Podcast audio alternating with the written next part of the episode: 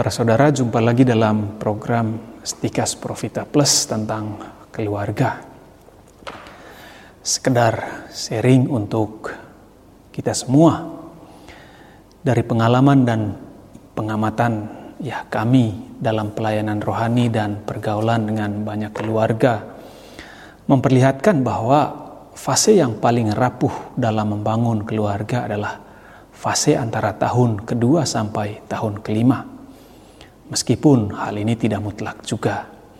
Karena ada juga yang mengalami pergolakan hidup berkeluarga setelah membangun rumah tangga belasan tahun lamanya. Tetapi kita berbicara secara umum, ya demikian. Jadi fase yang paling rapuh, ya secara umum 2 sampai 5 tahun.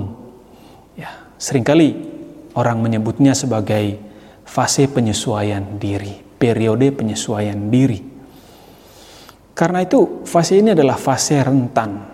Fase yang fase ini ditandai dengan hilangnya ketertarikan secara fisik terhadap pasangan, entah karena rasa bosan atau karena kesibukan dengan pekerjaan, sehingga perhatian kepada pasangan sangat berkurang. Gagalnya penyesuaian diri terhadap pasangan sering kali membawa pada situasi yang buruk. Di pihak lain, pasangan menuntut hal yang lebih sebagaimana impiannya selama pacaran dulu. Tidak terpenuhinya impian masa muda membawa relasi suami istri pada relasi yang hambar, tanpa makna, tanpa tanpa arti kehadiran orang lain. Fase ini juga ditandai dengan ya belum atau tidak stabilnya ekonomi keluarga, ditambah lagi kehadiran anak-anak yang memerlukan perhatian yang total, perhatian lebih dari pihak suami istri. Banyak yang mengakui fase ini adalah fase tersulit, periode tersulit dalam relasi suami istri, dalam pernikahan yang baru. Tidak sedikit pasangan menikah dengan gamblang berkata, "Saya tidak dapat lagi mencintainya. Dia tidak seperti dulu lagi, atau dia telah berubah total, atau juga saya salah pilih. Saya kira dia seperti ini, seperti itu, atau bahkan yang paling parah, memutuskan, ya saya ingin cerai saja." Namun demikian ada juga yang mengakui dengan jujur jika pasangan dapat melewati fase ini, maka keluarga akan tetap bertahan karena keduanya sudah teruji dalam menghadapi situasi-situasi sulit dan menerima kesulitan-kesulitan sebagai bagian yang harus dilewati oleh pasangan suami istri yang baru. Memang kita harus mengakui cinta suami istri berawal dari daya tarik fisik lalu mungkin juga pada pribadinya yang menarik. Tetapi seperti yang dikatakan oleh Paus Fransiskus, ketika cinta menjadi melulu daya tarik fisik, pasangan suami istri menjadi sangat mudah rapuh. Bila mana rasa sayang tadi berkurang dan daya tarik fisik mulai memudar. Maka menurut Paus Fransiskus sangat pentinglah mendampingi keluarga-keluarga muda supaya semakin memperkaya dan memperdalam keputusan sadar dan bebas mereka untuk saling memiliki dan mencintai satu sama lain seumur hidup.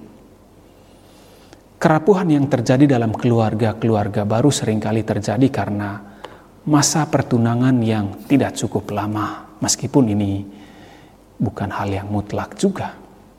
Baru kenalan sebentar, langsung membuat keputusan untuk menikah, membangun keluarga. Padahal dia tidak mengenal dengan baik cowok atau cewek yang akan hidup bersamanya selama sisa hidupnya yang akan datang. Mempercepat keputusan menikah dapat membawa persoalan setelah pernikahan, terutama fase yang kami sebut di atas. Lalu yang lebih masalah lagi pasangan itu sendiri tidak cukup matang baik secara usia, umur, maupun secara psikis masih kekanak-kanakan. Banyak pasangan muda yang masih usia SMA ya memutuskan untuk menikah. Tantangan pendampingan keluarga dalam fase awal hidup berkeluarga ya adalah membantu pasangan menyadari bahwa perkawinan bukanlah sesuatu yang sekali dibangun lalu selesai. Artinya keluarga itu ibaratnya seperti membangun sebuah rumah. Tidak mungkin sekali jadi. Pasti harus melewati tahap-tahap tertentu. Bahkan hidup berkeluarga seperti juga cara hidup lain, tidak pernah selesai. Ia harus diperbaharui terus-menerus, melewati berbagai gelombang kehidupan yang harus dihadapi. Perkawinan sebagai sakramen sama sekali tidak menjamin bahwa tidak ada kesulitan dalam hidup berumah tangga. Namun demikian, demi persatuan yang tak terbatalkan ini, suami istrilah yang menjadi pemeran utama. Seperti dalam film atau drama, mereka tidak lagi menjadi artis atau aktor yang memerankan tokoh tertentu atau pribadi lain yang bukan dirinya. Jika dalam seni peran orang bisa berpura-pura, tidak demikian halnya dalam keluarga. Maka merekalah yang menjadi pelaku utama hidup mereka sendiri. Mereka menjadi tuan atas sejarah dan hidup mereka. Karena mereka yang membuat keputusan mereka menjadi pencipta rencana-rencana yang dilaksanakan bersama. Mereka harus menghadapi persoalan, setiap persoalan. Mereka bukan lagi sedang memerankan tokoh-tokoh tertentu. Sejarah itu punya mereka sendiri, yang dibangun oleh tangan-tangan mereka. Mereka sendirilah yang merajuk kehidupan dengan segala pahit dan getirnya. Pandangan mereka sekarang harus diarahkan ke depan, yang harus dibangun hari demi hari dengan bantuan rahmat Allah. Dan justru karena alasan inilah pasangan tidak dapat diharapkan sempurna. Jangan menuntut orang lain sempurna sesuai dengan ukuran yang standar, sesuai dengan ukuran dan standar yang kita buat. Jadi sekali lagi, jangan menuntut orang lain sempurna, lalu diri kita sendiri menjadi standar dan ukuran bagi pasangan itu sempurna menurut kita. Masing-masing harus menyingkirkan semua ilusi pribadi dan menerima pasangan apa adanya sebagai sebuah suatu proses yang belum selesai, yang perlu bertumbuh, yang sedang berjalan. Impian masa muda kita bisa jadi kita paksakan kepada pasangan, sementara pasangan tidak mampu untuk memenuhinya. Maka Paus Fransiskus mengingatkan agar semua ilusi itu harus disingkirkan. Lalu dikatakan juga, sikap kritis terus-menerus terhadap pasangan menunjukkan bahwa perkawinan tidak diandaikan sebagai proyek untuk dikerjakan bersama-sama dalam kesabaran, pengertian, toleransi, dan kemurahan hati. Dalam situasi yang menyingkirkan hal-hal di atas karena sering kritis terhadap pasangan, perlahan-lahan cinta akan diganti dengan pandangan yang menyelidik dan keras, dengan kontrol, kontrol manfaat dan hak-hak pribadi, dengan protes-protes, dengan persaingan dan pembelaan diri. Nah, di sini muncul egoisme yang besar dengan ingin menang sendiri dan mau menguasai pasangan secara tidak adil. Tidak sedikit terjadi cinta diukur dengan manfaat dan hasil, bahkan kepuasan materi.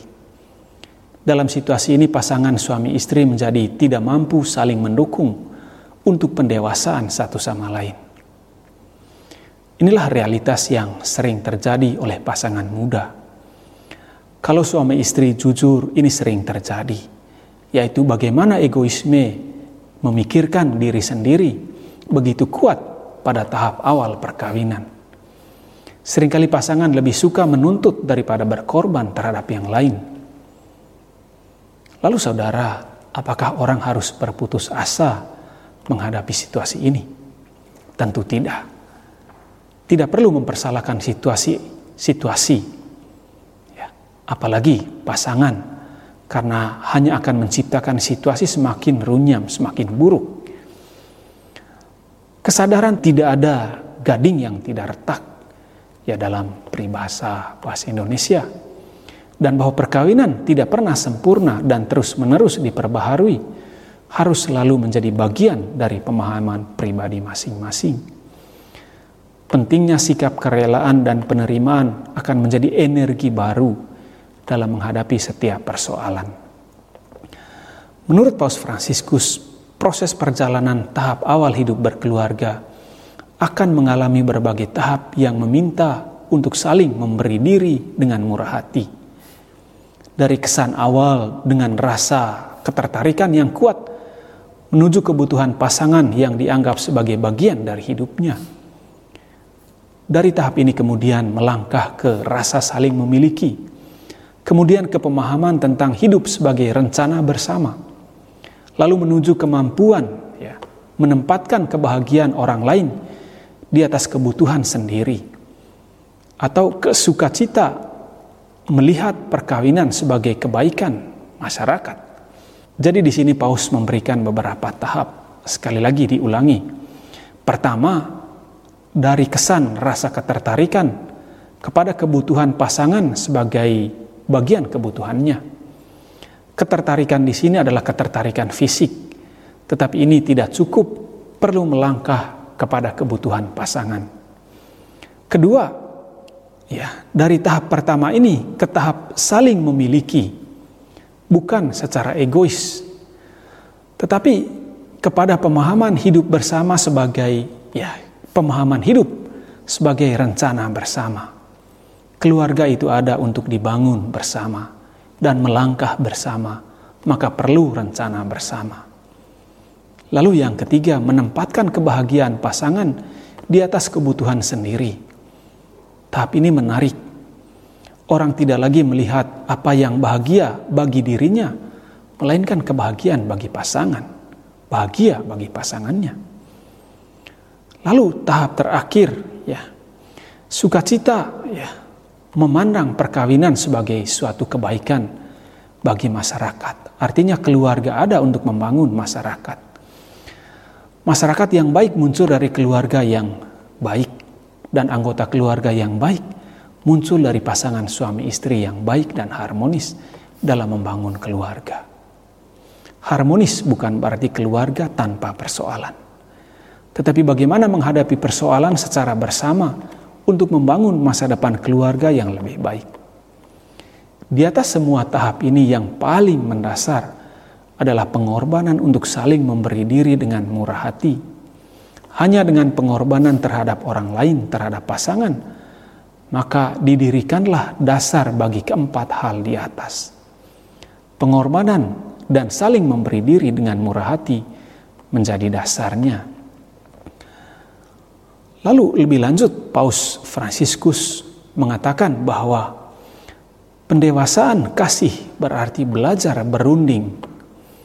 Berunding bukan saja soal mengambil keputusan tetapi juga tentang seni mendengarkan pasangan. Jadi mendengar pasangan itu sebuah seni tersendiri.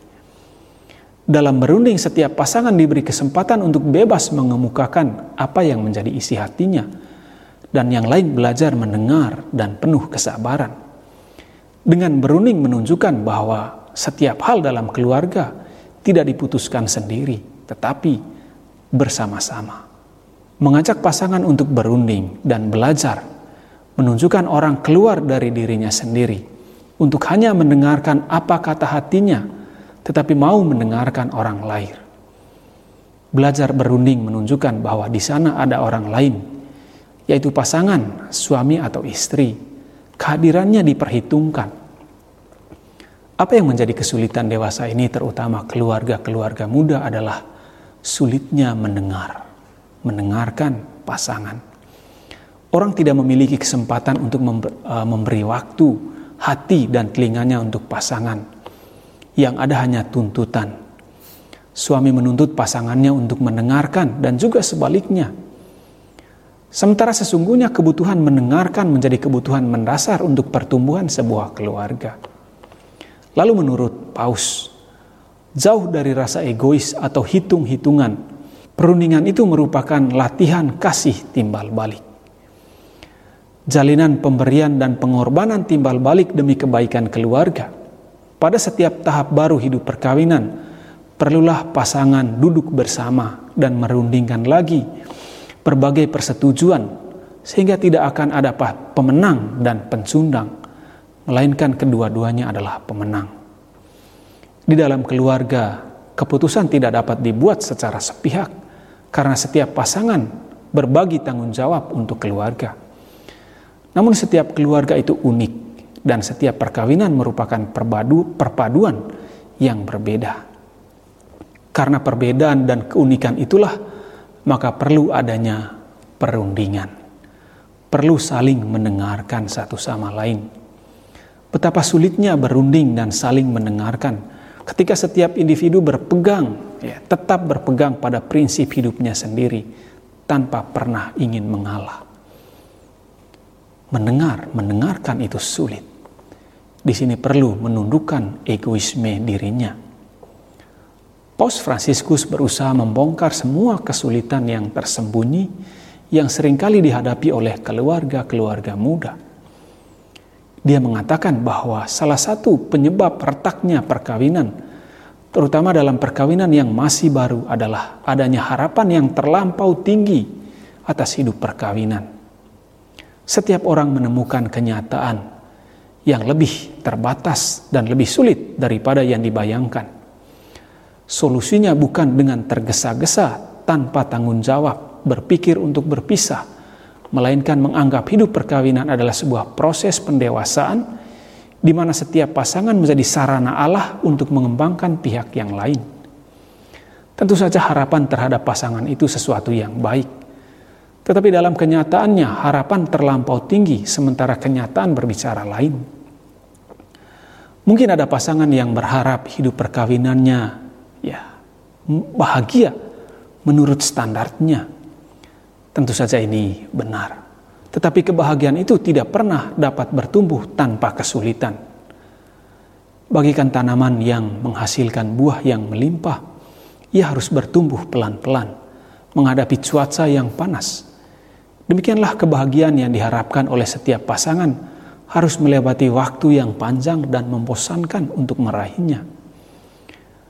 Kesabaran menanti diiringi dengan cinta kasih masing-masing pihak tidak pernah sia-sia. Apa yang menjadi kesulitan adalah ketika harapan akan kebahagiaan dan cita-cita tidak kunjung terpenuhi. Orang sering kali kehilangan harapan dan memutuskan tali perkawinan secara tergesa-gesa. Semua pasangan harus tahu, seperti yang dikatakan oleh Paus Fransiskus, hidup perkawinan adalah sebuah proses pendewasaan. Pendewasaan itu perlu waktu dan menyita pengorbanan dari kedua belah pihak. Sebagai keluarga Katolik, keterlibatan Allah dalam setiap kesulitan yang dihadapi oleh keluarga sangatlah penting. Artinya, melibatkan Allah dalam memecahkan persoalan dalam keluarga. Hidup berkeluarga itu sebuah panggilan, bukan tugas. Rahmat Allah yang bekerja dalam usaha untuk memperbaiki setiap situasi sulit yang dihadapi keluarga muda sangatlah penting. Rahmat Allah harus mendapat tempat, sebab perjuangan tanpa bantuan rahmat Allah akan sia-sia dan membuat orang jatuh dalam keputusasaan. Setiap pasangan harus saling mendukung dalam pertumbuhan. Pada setiap tahap yang disebutkan di atas, mereka hendaknya membentuk satu sama lain. Cinta membuat seseorang menunggu yang lain dengan kesabaran. Seseorang bekerja, seorang pekerja seni. Ya, artinya cinta kasih itu seperti seorang yang memiliki kesabaran terhadap sebuah karya seni yang, di, yang dikerjakannya. Kesabaran yang berasal, yaitu kesabaran berasal dari Tuhan sendiri.